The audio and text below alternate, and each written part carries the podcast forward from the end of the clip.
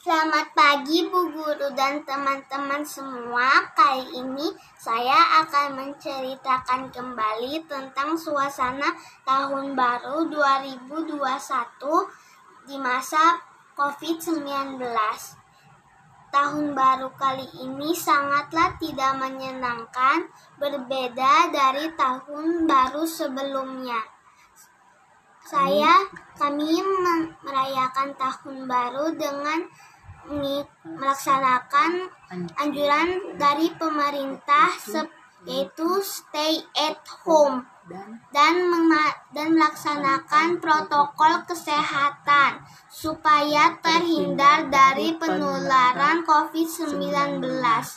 Demi, walaupun demikian, saya tetap semangat dan dan dan kita harus selalu tetap sehat.